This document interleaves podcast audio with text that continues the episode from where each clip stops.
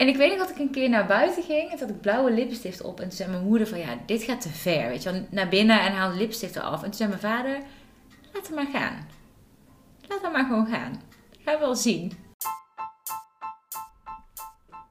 Welkom bij Heerlijk Eerlijk, de podcast waarin een twintiger en een dertiger zichzelf onderdompelen in trending topics op het gebied van lifestyle, duurzaamheid en mindset. Hier zullen zij heerlijk eerlijk zijn over hun persoonlijke ervaringen en delen zij kennis en tools door elkaar en hun gasten aan de tand te voelen. Superleuk dat je luistert. Laten we beginnen. Vandaag gaan we het even helemaal anders doen. Om te vieren dat we over de 1500 plays zijn gegaan, gaan we elkaar ondervragen over uiteenlopende onderwerpen. Deze zijn mede door de luisteraars ingebracht en we zijn mega excited. Vooral omdat we geen idee hebben hoe deze aflevering zal gaan lopen. Super leuk dat wij weer door jouw oren mogen galmen en dat je weer voor onze podcast kiest. Als je nieuw bent, welkom bij Heerlijk Eerlijk. Oh ja, en mocht je op de achtergrond kerstmuziek horen, Floor en ik zijn al helemaal in de stemming, dus don't mind us. Oké, de eerste vraag die komt van een volger van jou. Ja, leuk. Loop je altijd hard in het bos of wissel je ook vaak qua routes? Ja, dat is wel een leuke vraag, want ik loop natuurlijk veel hard en dat deel ik ook. Dus ik snap wel dat mensen daar misschien nieuwsgierig naar zijn. Ja. Ehm, ik loop in de stad, dus ik moet altijd een stukje lopen voordat ik in het bos ben. Niet per se heel ver hoor. Maar ehm, ja, dus ik loop eigenlijk altijd een beetje half-half. Ehm, maar ik vind het wel het fijnst om door het bos te lopen, omdat je daar ook veel meer demping hebt. En het is iets avontuurlijker. Kan zomaar een takje over de weg hangen of een boomstrook op de grond. Het maakt het eh, spannend. En ehm, ik ben heel goed in verdwalen.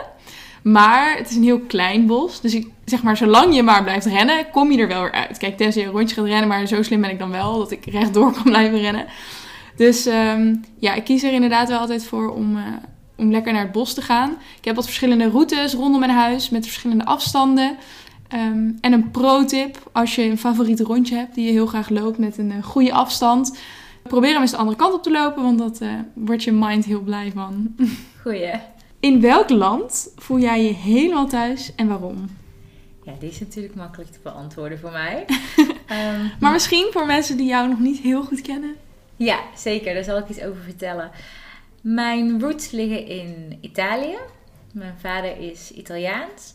En ik ken mijn vader pas een aantal jaar. Ehm, ik heb altijd geweten dat hij bestond, maar ik wist niet wie hij was. En een tijdje geleden ben ik hem gaan opzoeken. En online via een gemeenschappelijke vriend van mijn moeder en hem een bericht gestuurd en gezegd: Hey, ik ben eh, Floor en eh, ik ben op zoek naar mijn biologische vader en ik denk wel dat jij me kan helpen. En toen zei hij vrij snel dat er geen eh, DNA-test voor nodig was om te zien wie mijn vader was. Zo mooi. Ja, en ehm, toen heb ik een mail gestuurd. Het was super spannend met hoi, ik denk dat ik je dochter ben. En ehm, toen kreeg ik een mail terug waarin hij eigenlijk aangaf dat hij super blij was dat hij eh, van me hoorde. En Zag hij het aankomen en wist hij dat hij ergens op de wereld een dochter had lopen? ja, hij wist wel dat hij ergens een dochter had lopen, maar het is een hele complexe situatie. Maar ik ben wel heel dankbaar dat ik nu in zijn leven ben en hij en dat van mij. En dat ik een soort extra familie bij heb. Ja. En het gekke is dat als kind zijnde en ook wel als tiener heb ik altijd een hele speciale band met Italië gevoeld. En ik weet dat meer mensen dat hebben. Maar voor mij viel het op zijn plek op het moment dat ik erachter kwam dat ik een dat mijn biologische vader Italiaans is. Jij komt daar gewoon, eh, je hebt daar gewoon DNA van, je hebt Italiaans bloed. Ja, dus eh, Italië is een hele bijzondere plek voor mij, vooral ook waar hij woont. En ehm, ja, ik heb echt, als ik in dat land ben, dan voel ik gewoon in mij een soort, ja, een soort thuiskomen. Het land kan me ook heel erg emotioneren. Dus de mensen, de cultuur, het eten, de manier van doen. Dus eh, ja, met dat land heb ik wel eh, een speciale band. Mooi verhaal blijft het. Dank je. Een vraag aan jou.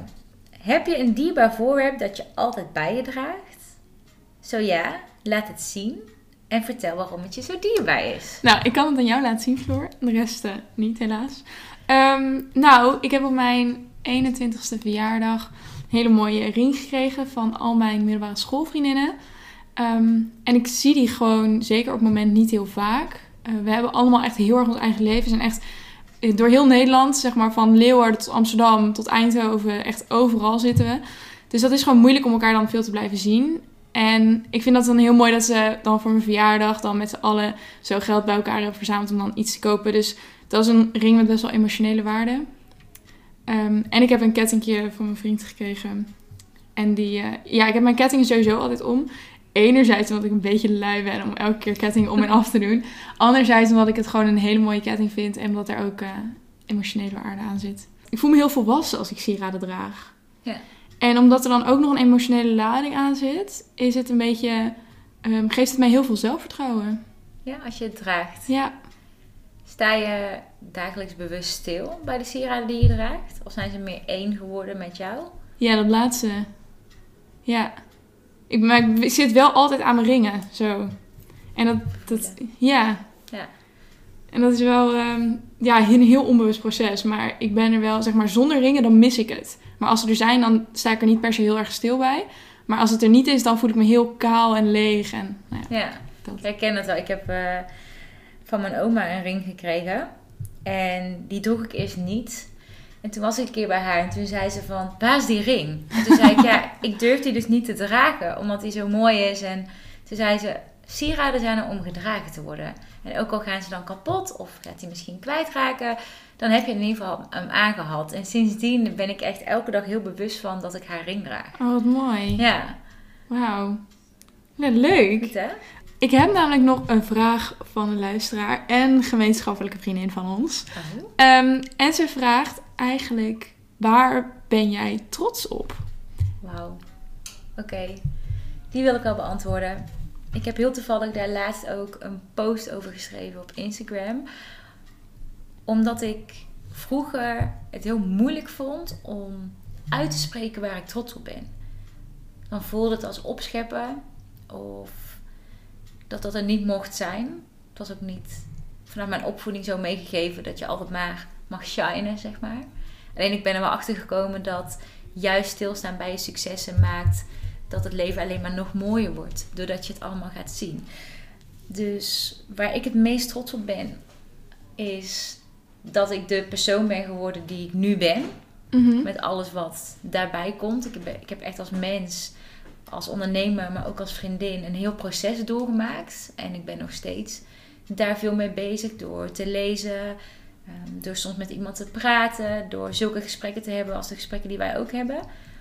Dus daar ben ik wel heel trots op. En ook dat kan me emotioneren soms. Dat ik denk van wauw, oké, als ik terugkijk naar mijn 15-jarige zelf en nu, dan ja, mag ik wel mezelf een schouderklopje geven. En als ik kijk naar het afgelopen jaar, dan kan ik wel zeggen dat de kaartenlijn die is uitgekomen, dat ik daar heel trots op ben. Ook met Janne die de illustraties heeft gemaakt. De mensen die ik om me heen heb verzameld, die ik meer aandacht heb gegeven, waar ik meer aanwezig bij ben geweest. En andere mensen die ik daarin ook heb losgelaten, omdat dat niet meer zo goed paste. En ja, ook wel mijn onderneming. Het feit dat mijn werkboek is uh, uitgekomen. Dat we daar ja. toen zijn gaan zitten in het raadshuisje. En ja, geweldig. Ja, dat daar dan nu dit uitrolt. Ja, daar ben ik wel echt heel trots op. Ja, ja. ja, ik ben ook heel trots op dat wij samen naar het raadshuis toe zijn gegaan. Um, ik was eerst een beetje uh, sceptisch en misschien ook wel een beetje angstig of zo. Dat ik dacht van, oh, maar nu moeten we gaan schrijven, want we gaan op schrijfvakantie. En best wel een beetje pressure op mijn schouders gelegd. En toen hadden we al best wel vroeg afgesproken. En toen zei je van, kom, we gaan even een stuk wandelen. Oh my god, ja! Weet je wel, ja. ik wil even... En het, we hebben, heel eerlijk, in dat weekend zelf ik heb een heel stuk geschreven, maar echt niet heel veel. We hebben vooral heel veel gesprekken gehad. Um, gebrainstormd over de titel. Um, en ik krijg er echt de laatste tijd heel veel complimenten over. Dat zeggen, wow, hoe heb je dit bedacht? Het is best wel sterk. Het is niet een titel die, die je zomaar vergeet of zo. Je blijft er even over nadenken van, oké, maar wat bedoel je hier dan mee? Ik wil me nieuwsgierig wat erin staat. Dus compliment. Yeah. maar ja, dat is ook wel wat ik nog wilde vragen. Um, jij zegt, ik vond het vroeger best lastig om uh, uit te spreken dat ik trots ben of trots was op mezelf. Ik herken dat wel heel erg. En ik denk misschien dat er wel meer mensen zijn die zich soms niet altijd op hun plaats voelen om zich uit te spreken over dat ze ergens trots op zijn. Of dat ze denken, ehm, als ik voor mezelf spreek, dan denk ik soms wel eens van. En mensen weten misschien dat ik het goed heb, of ik voel me goed. Waarom zou ik dan nu uitspreken dat ik ergens trots op ben? Ehm, wat zou jij aan jouw 15-jarige Floor als advies geven? Dat je andere keuzes mag maken dan dat je ouders doen. En dat dat helemaal oké is. Ik denk dat de Nederlandse cultuur sowieso staat heel erg voor het klein houden. Doe maar normaal, dan doe je al gek genoeg. Oh ja, die is herkenbaar. Dat is een heel Nederlands, Nederlandse uitspraak. Daarmee maak je jezelf heel klein. En ik denk, ook als ik kijk naar mijn leerlingen, straal maar. Zeg maar waar je trots op bent. Voel het. Want alleen dan kan je groeien. En anders ben je eigenlijk heel erg jezelf aan het beperken en ontneem je jezelf zo ontzettend veel. Als ik kijk naar mijn 15-jarige zelf, ik heb heel veel dingen niet gedaan omdat ik dacht dat het niet voor mij was weggelegd. Dus um, bepaalde studies kiezen of op vakantie gaan of stage lopen in het buitenland uiteindelijk. Toen was ik natuurlijk iets ouder. Ik dacht van nee, doe maar normaal en doe je al gek genoeg. Je hoeft niet uh, met je studie naar uh, Suriname of Australië of Frankrijk. Nee, blijf maar gewoon in Tilburg en doe maar een minor en dan is het prima. En dat vind ik wel heel jammer. Dat ik denk, jeetje. Maar het is niet dat ik ontevreden ben, want ik ben heel tevreden over het leven.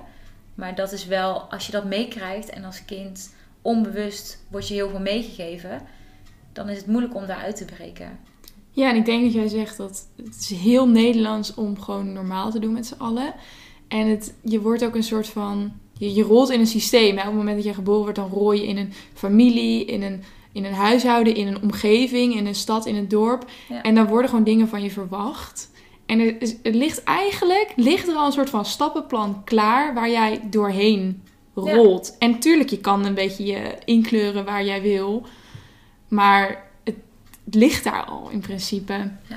En dat is ook wel echt iets waar ik de laatste tijd veel over nadenk. Denk van oké, maar wat er nu voor mij klaar ligt, is dat, ook, is dat uitdagend genoeg? Ja, mooi. Nou, wat daaronder ligt is natuurlijk inderdaad je familiesysteem en ook de loyaliteit die jij hebt naar jouw ouders. En ook naar degene die daarachter staan. Als ik naar jou kijk, dan zie ik niet alleen jou, maar dan zie ik ook jouw ouders daarachter staan en daarachter hun ouders. En daar zitten zoveel patronen in en gedragingen.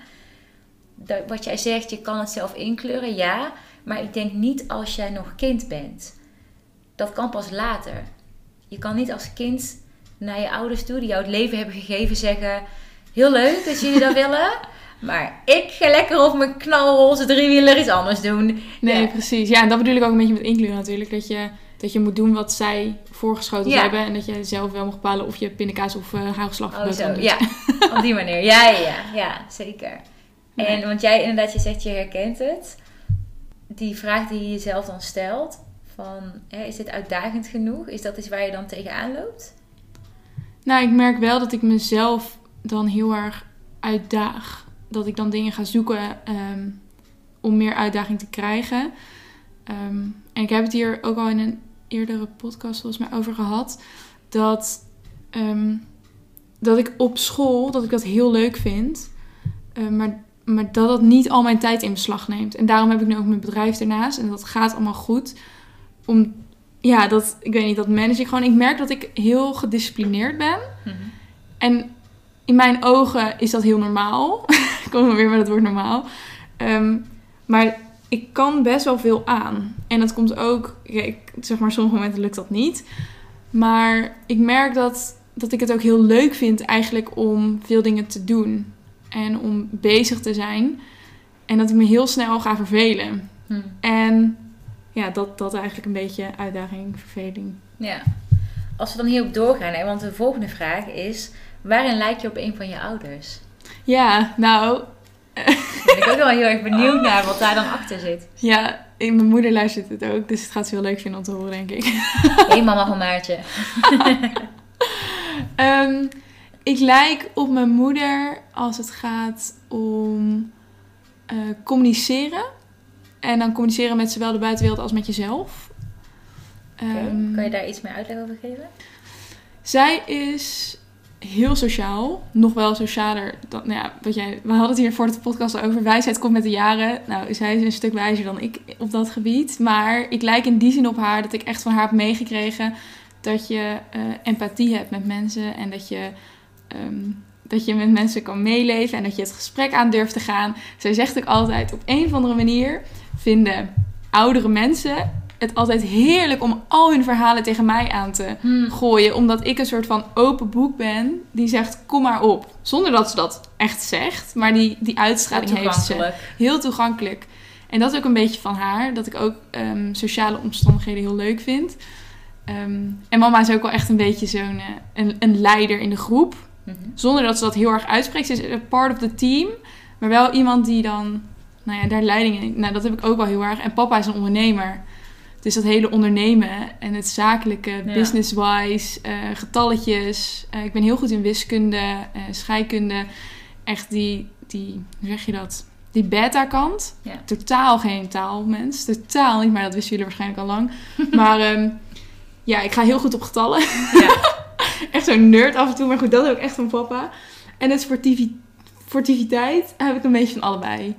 Want mama, die, eh, die is ook hardloper. Het komt eigenlijk een beetje door papa. Ze is door papa gaan hardlopen. Al zegt, durft ze dat zelf niet altijd helemaal toe te geven. Maar papa is er wel mee begonnen.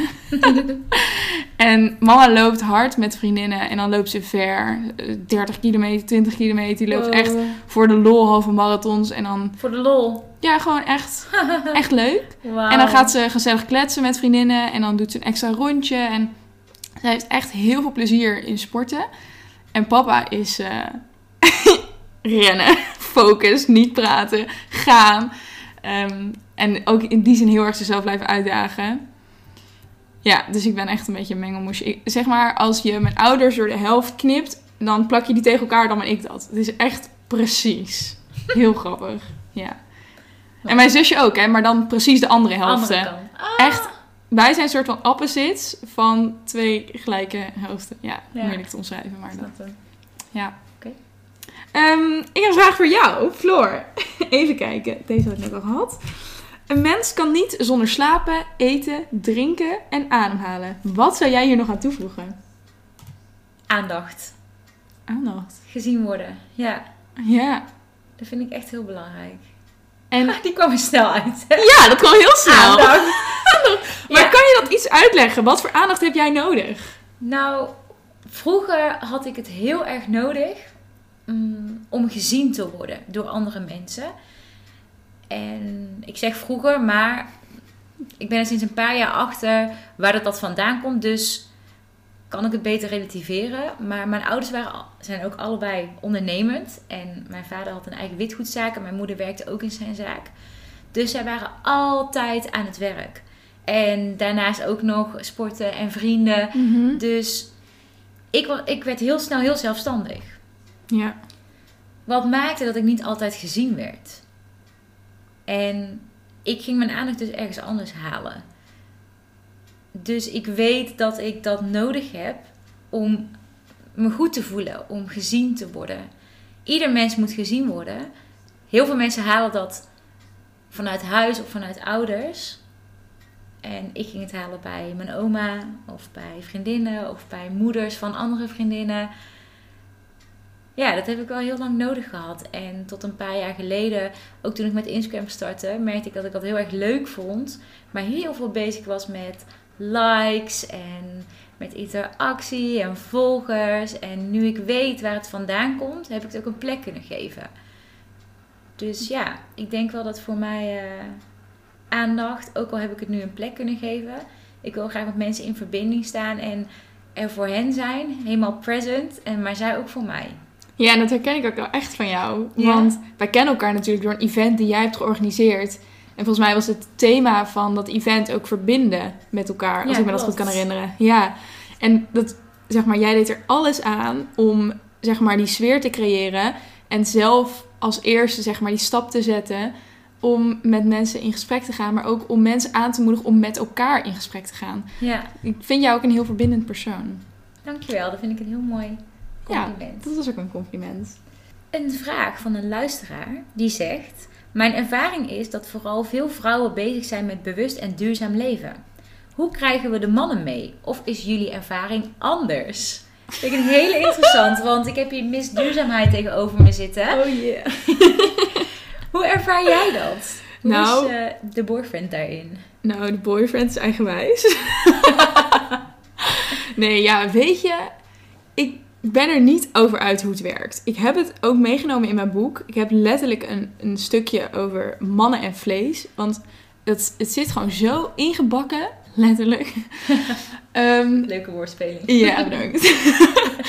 nee, maar het is echt... ehm, hoe krijgen we de mannen mee? Mannen krijgen alleen mannen mee.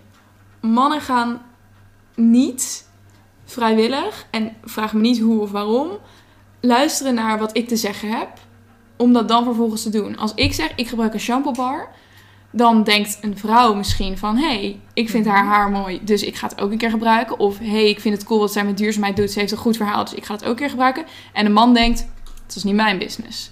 Mijn ervaring is dat bij ons in huis is het andersom. Oh, grappig. Als we het hebben over grote impact. Dus ik denk dat het ook te maken heeft met de beeldvorming rondom duurzaamheid. Waar het eerst nog het hele hoge geitenwolle sokken gehalte had, is dat nu heel erg aan het veranderen.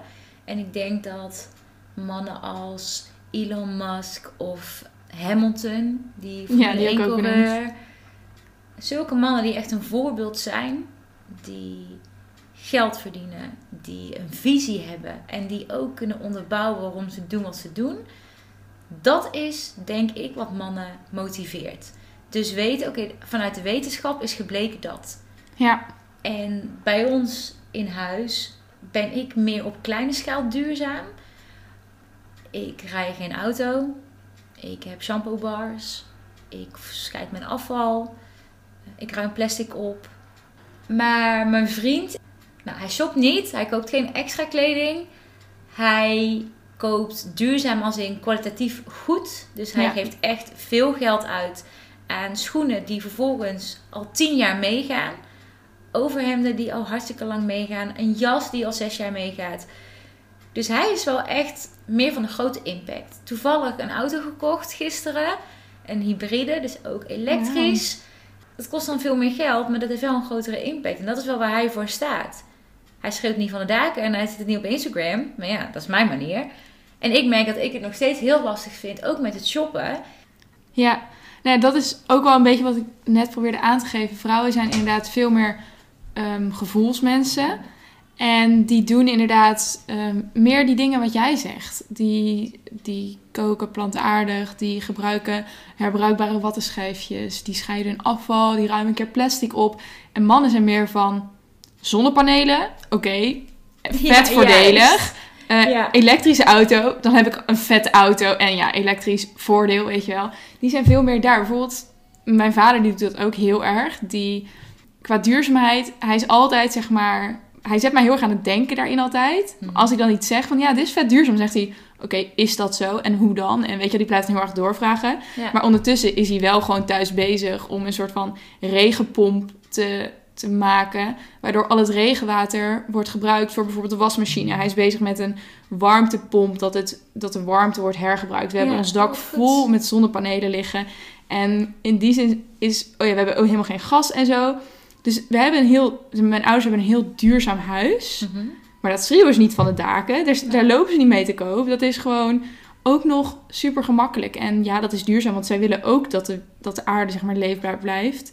Ehm, maar dat pakken ze op een hele andere manier aan. Terwijl ik inderdaad die kleine dingen doe. Ja, als, in, als ik in een studentenhuis woon, ik heb gewoon heel weinig te zeggen over zonnepanelen, over warmtepompen, over regenwater hergebruiken. Ja. En dan doe ik wat ik kan doen. En ik denk ook dat dat echt de kracht van duurzaamheid is. Dat iedereen het heel erg op zijn eigen manier doet. En dat we ook lekker die mannen hun eigen ding moeten laten doen. Want die doen het ook echt wel goed. En dan, Ja, dat vergeten zeker. we soms. Iedereen mag doen wat passend is bij zijn of haar situatie. Ja. Dus doe wat voor jou goed voelt. ja, en doe ook wat tot jouw mogelijkheden beschikt. Soms dan lukt het gewoon niet. Ja, dan hoef je je echt niet slecht over te voelen. Er zal vast een moment komen dat het wel lukt. Ja. En dan kan je nu doen wat wel binnen jouw eh, mogelijkheden ligt. Dat was een antwoord op jouw vraag, denk ik. Zal ik een vraag aan jou stellen? Is goed. Dit is wel leuk. Wat is het raarste kledingstuk dat je ooit hebt gedragen? Oh mijn god. Ik neem jullie even mee terug in de tijd. Op mijn middelbare school had je heel veel subculturen.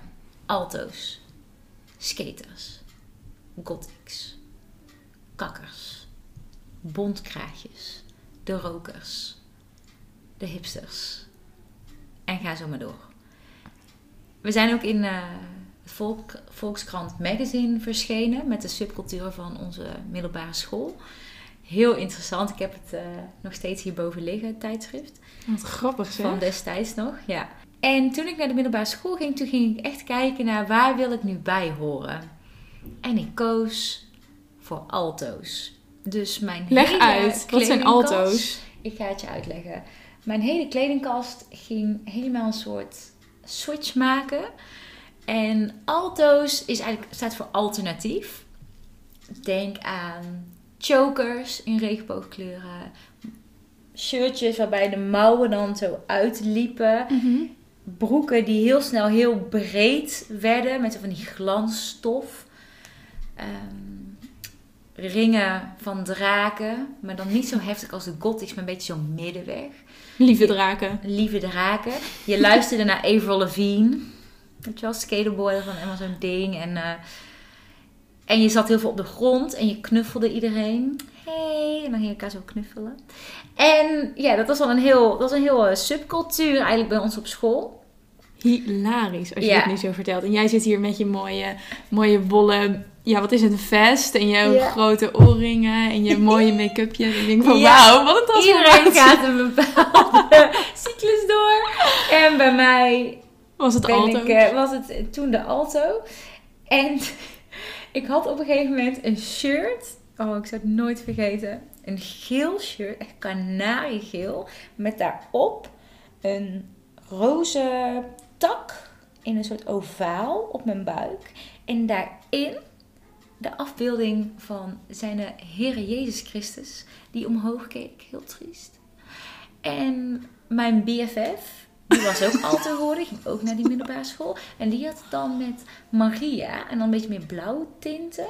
En dan haren kort, aan de achterkant opgeschoren en dan voorkant een beetje plat naar beneden.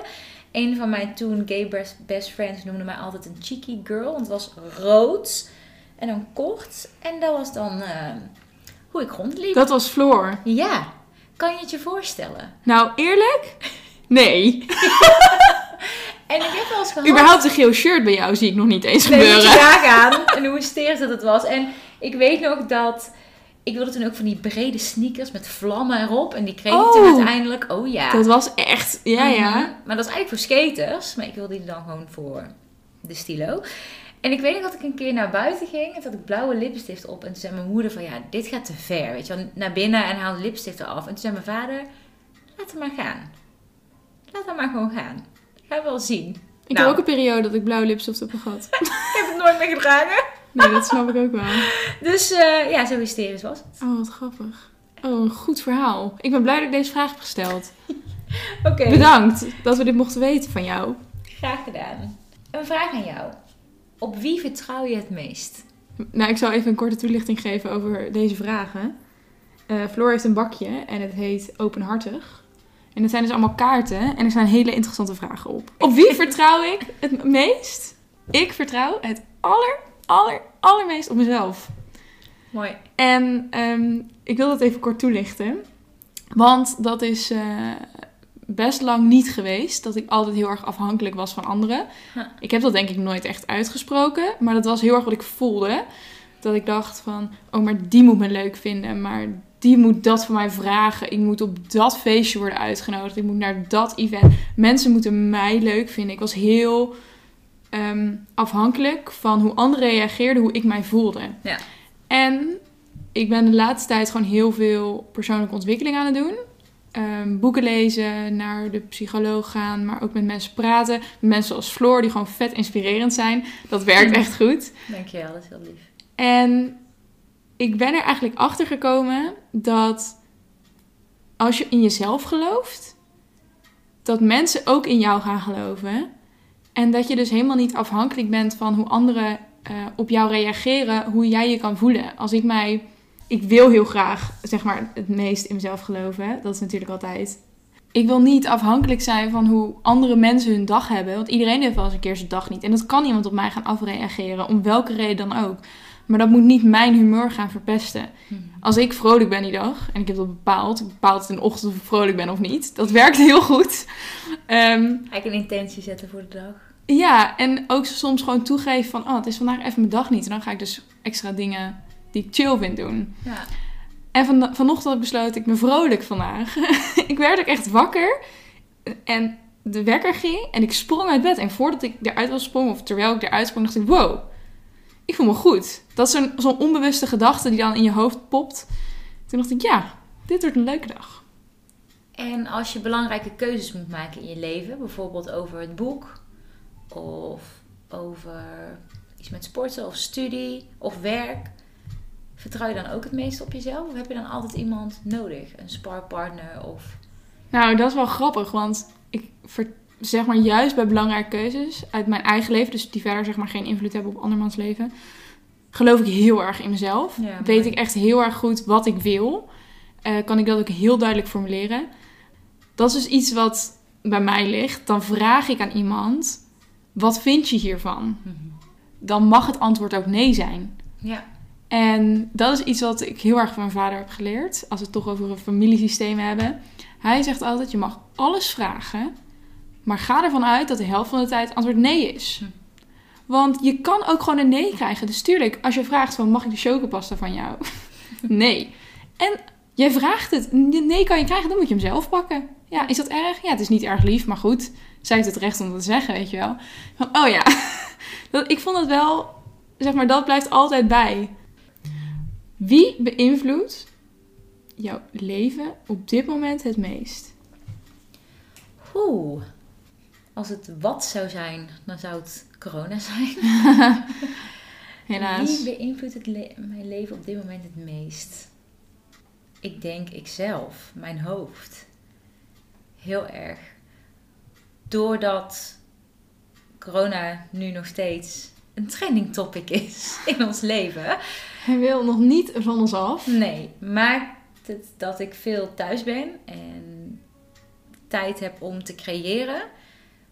Maar als ik ga creëren, dan stop ik niet meer. Mhm. En dan ga ik alle kanten op. Maar gelukkig heb ik nu elke maandag een mastermind sessie met eh, Jessie. Dus de bedoeling van een mastermind is dat je wekelijks met elkaar samenkomt, of twee wekelijks met elkaar samenkomt, om te sparren over het ondernemen en alles wat erbij komt kijken. En ook aan elkaar kunt vragen, eerlijk en open. Ik heb dit idee, wat vind je daarvan? Heb je tips? Hoe zou jij het aanpakken? Elkaar een beetje kunt aanzetten, kritisch kunt zijn. En dat maakt wel dat het iets meer vorm krijgt en dat het iets rustiger wordt. Maar het beïnvloedt wel heel erg hoe dat mijn dagen gaan. Dus als ik heel erg veel in mijn hoofd heb qua creatieve ideeën, dan moet ik het uitwerken. Anders dan ben ik s'avonds ook niet aanwezig met mijn vriend als we iets gaan kijken of we hebben een gesprek. Dus ik heb vooral heel erg nu dat ik, ja, ik met mezelf, dat ik mezelf erg aan het beïnvloeden ben. Terwijl vroeger werd ik ook heel erg beïnvloed door vrienden eh, en daarvoor door ouders. Maar nu ben ik het vooral zelf. En dat is fijn. Maar dat is ook heel lastig. Het zou fijner zijn als iemand soms dingen voor je kan bepalen. Of een knoop kan doorhakken. Of zegt, nee, doe dat maar niet, doe dat maar wel. Oké, is Ja. goed. Ja, precies. Ja, nou, Ja. hoppé. Ja. Ik heb wel een vraag die daar een beetje op aansluit. Oké. Want jij beschrijft je dag nu. Ehm, dat je zelf met je, zeg maar, je stemmetje in je hoofd aan het kletsen bent eigenlijk. En omdat je waarschijnlijk ook veel thuis zit vanwege corona. Ehm, maar wat zijn er momenten die jouw dag fijn maken? Wat zijn prettige momenten die jij integreert in je dag? Wauw. Hele mooie vraag. De dingen die mijn dagen fijn maken, hebben heel erg met huiselijkheid te maken. Ik ben echt mega degelijk wat dat betreft en kneuterig. ik hou echt van de huiselijke knusheid, waar ik dat vroeger heel verschut vond. Alles was degelijk, zeg maar het woord degelijk was heel negatief. Ja, wij Het is hebben... zo degelijk. Ik heb een app. en het heet Burgerpunten. Oh. en hoe meer burgerpunten je hebt, hoe Hoe degelijker je bent. Love it. Echt, geef mij maar de topscore. Maar het maakt wel in alle drukte en in het runnen van een eigen bedrijf, een podcast hebben, eh, leerlingen hebben, ouders, alles wat erbij komt kijken, dat thuis voor een fijne plek en rust creëren, dat kan mijn dag echt maken. In combinatie met deze lieve die hier bij ons ligt met Marley. Ik vind het echt heerlijk om Marley is je kat, even voor Oh ja, duidelijkheid. sorry. Marley is mijn kat. Ja, inderdaad. Dat ook een slang of zo kunnen zijn. Nee, en Marley is een eh, veel te dikke kater. Die heel erg graag heel dicht bij mij is. En die ook heel goed me aanvoelt. Maar wat mijn dag dan maakt, is dat ik hele kaarsjes aansteek. De kerstboom aanknal. Oh ja. Muziekje op de achtergrond. Lekker een boek erbij. Tijd om met mezelf te zijn. Dat kan echt mijn dag maken. En naar buiten gaan. Plan je dat elke dag in? Ja, ik plan het wel elke dag in. Gaat het altijd even goed? Nee. Ik vind van mezelf dat ik 15 minuten me-time per dag mag nemen. Maar ik pak liever een uur me-time. En me-time is dan niet Netflix kijken. Want dat is meer maskeren wat je echt voelt. En niet met jezelf zijn. Dus ik probeer dan wel echt met mezelf te zijn. En ik vind buiten zijn heel fijn. Alleen het nadeel is wel, ik woon in de stad. Dus alles is asfalt. En ik ben wel echt heel graag in het bos. Ik heb ook altijd, als ik in het bos loop, dat ik dan echt zo, Ja. ah, echt zo moet ademen. En mensen die dat begrijpen, die doen dan mee. En mensen die het niet- begrijpen, die kijken dan soms echt zo van, yo, alles oké? En dan zeg ik, ja, alles is juist oké. Ja. Dus dat soort dingen kunnen mijn dag echt maken. En fijne momentjes met vrienden. Met mijn lover. Met je lammer. Alles met 10 minuutjes. Als je dan een goed gesprek hebt of iets voor elkaar hebt kunnen betekenen. Ja. Dan vind ik dat heel fijn. Waar kun jij ontzettend van genieten? Ehm, als een to-do-lijstje af is. nee, waar kan ik van genieten? Wat jij zegt, natuur. Geweldig. Ik hou ervan. Dat, dat, dat, ja. Dat vind ik heel fijn. Daar kan ik echt heel erg van genieten. Ehm, en ik kan er ook echt van genieten om na een productieve, maar drukke dag ook echt het, zeg maar, mijn laptop dicht te doen. Mijn telefoon aan de andere kant van de kamer te gooien. En dan op bed te ploffen. Ik heb zeg maar geen bank, dus ik plof op bed. En dan... Maar dat heel voldaan gevoel. Daar word ik gelukkig van. Ja. En waar ik ook heel gelukkig van word, is als ik echt iets goeds heb gedaan. Als ik denk van wow, ik heb nu iets gedaan wat echt aan iets heeft bijgedragen. Impact. Ja, wat impact heeft gemaakt. Ehm, dus ja, dat eigenlijk. En daarop aansluitend, wat doe je dan het liefst als je de hele dag alleen bent? Dit is letterlijk mijn afgelopen bijna jaar, vanaf maart. Ja. Ja, ik woon in een studentenhuis. Dat is gewoon heel veel alleen. Wij zijn niet een heel hecht huis. Ze zijn allemaal hele aardige mensen. En ik kan het supergoed met ze vinden. Maar we hebben gewoon allemaal ons eigen leven. En dat is ook precies de reden dat ik in dit studentenhuis zit. Want dat vind ik heel belangrijk. Dat iedereen echt zijn eigen ding kan doen. En dat als we, we eten dan denk ik één keer in de week samen of zo. Maar voor de rest doet iedereen gewoon lekker zijn eigen ding. En dat vind ik heel belangrijk. Alleen, eh, dat maakt het wel dat je soms een beetje eenzaam bent. Of dat je je alleen voelt. Hm. En ik vond dat heel moeilijk in het begin van corona. Ik heb daar echt... Ik heb me daar wel... Ik, heb dat, ik vond het gewoon heel moeilijk. Ik kon niet zo goed mijn gevoel plaatsen. Ik wist niet wat ik moest doen. Ook een van de redenen natuurlijk dat ik ben begonnen met het boek schrijven. Omdat ik dan tenminste iets kon doen. Want al mijn colleges waren afgelast. Allemaal afspraken. Mijn agenda was totaal leeg. Nou, ik wist niet. Ik werd, ik werd helemaal gek. Ik ging echt een soort van stuiteren door het huis. En ik wist niet waar ik mijn energie kon laten. Hm. Dus toen ben ik begonnen met het boek. Omdat ik dan een soort focuspunt weer had. Ehm, maar toen ben ik er ook al heel snel achter gekomen. Oké, ik kan niet de hele dag schrijven. Je moet ook een soort van andere prikkels krijgen. Ja. En dat is ook wel echt het moment dat ik veel meer... Ja, die persoonlijke ontwikkeling waar ik het net ook al over had. Daar ben ik me echt in gaan verdiepen. Eh, veel meer podcasts gaan luisteren. ehm, boeken gaan lezen. Ehm, en ook gewoon de confrontatie aangaan met, met jezelf zijn. En laat die stemmetjes in je hoofd, laat het maar even praten. Dat is gewoon helemaal oké. Je mag je ook soms gewoon alleen voelen. En dat gaat echt niet altijd leuk zijn. Ja. Maar dat was wel zo goed eigenlijk dat ik dat heb meegemaakt. Want nu, als ik een dag niks heb, dan weet ik wat ik kan doen. En dan weet ik wat ik kan verwachten. En dan, dan weet ik ook dat het soms heel anders gaat zijn dan dat ik voor me had gezien of zo. En ik weet ook dat als ik een dag helemaal alleen ben, Mhm. dat ik ook best mensen mag vragen om langs te komen, om te bellen, om iets te gaan Ah, doen. ja. Ja. Dus dat ik, dat ik zeg maar het oké vind dat ik alleen ben, dat is wel echt mijn grootste inzicht van het afgelopen jaar geweest. Super mooi. Tot zover mijn spreekbeurt. Er nog vragen? Mooi. Oké, we gaan nog één laatste vraag doen. En dan sluiten we de podcast af. En het, eh, het lijkt me wel- mij wel leuk om hem allebei te beantwoorden. Ja. Oké, ik stel hem eerst aan jou, Floor. Oké. Waar zou je op dit moment het liefst willen zijn en waarom? Oh, heb je even? Nou, eigenlijk niet. Nee. Neem ons mee. Zie mij met een baret op in Parijs.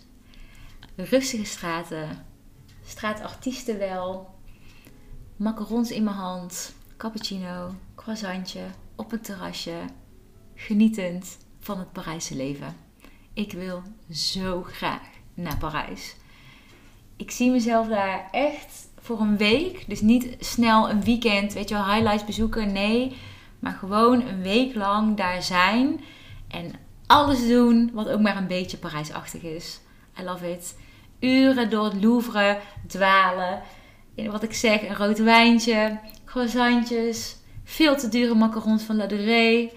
Ja, daar kan ik echt... Ik zie jou zo- helemaal gaan. Ja, ik zie mezelf ook helemaal gaan. Alleen ja, corona. Oh, nou ja. Dus dat gaat niet. Maar voor degenen die Emily in Paris hebben gekeken... Oh my god. nou ja, dat. Ja, ik Ja. kreeg ook van die serie echt mega zin om naar Parijs te gaan. Ja, en ik heb sowieso wel binding met die stad. Heel veel mensen vinden het een stinkstad. En dat kan ik ook begrijpen. Het is ook een hele grauwe kant. Maar ik vind vooral in de lente, ook als ze de gebouwen weer hebben opgespoten, zeg maar. En het is een beetje zo zandkleurig wit. En de straatartiesten. En de Franse mensen die zich druk maken over de politiek. Ja, I love it. Ja. Echt. En jij? Ik zou in de bergen, Oostenrijk, Zwitserland, Italië, maakt niet heel veel uit. Ehm, in de Alpen, eh, aan een meer, echt zo'n helder, glashelder meer. Beetje zo'n blauw-groene gloed eroverheen. Het zonnetje wat lekker brandt, maar wat maximaal zeg maar zo'n 24 graden is. Want warmer hoef je voor mij echt niet eh, aan te kloppen. Ehm, en dan een wandeling maken door de bergen vind ik geweldig. Lekker die, die berggeiten, eh, al die andere marmotten of wat, wat er dan ook maar mag zijn. Bergmarmot vind ik ook heel leuk. We zingen altijd als we een bergwandeling aan het doen zijn. En dat, dat vind ik ook heerlijk. Echt een gevoel van vrijheid. Je hoort jezelf ook echoen. Je ziet van die mega grote vogels overvliegen met echt een spanwijdte van eh, 2,5 meter. Wauw. Zo heel, ehm, voor mij sprookjesachtig. Zo Ja. Even uit de realiteit, gewoon echt in het, ja, in, het, in, in zo'n gebied. En dan dus als je een wandeling hebt gemaakt van acht uur, lekker gebukkeld, echt lekker gesport. Dat je dan je bergschoenen uit en je sokken. En dat je dan met je voeten zo in dat heldere water zo drukt. En dat je dan dat hoort zo pling, pling, pling. ja, daar zou ik nu willen zijn. Leuk, wauw. Echt grappig dat wij allebei zo'n ander antwoord hebben. Echt zo stad en natuur. Terwijl Ja. ik zou ook heel graag mee naar jouw Ik wil ook mee naar. Parijs. Ja, Ja. sure. Fantastisch.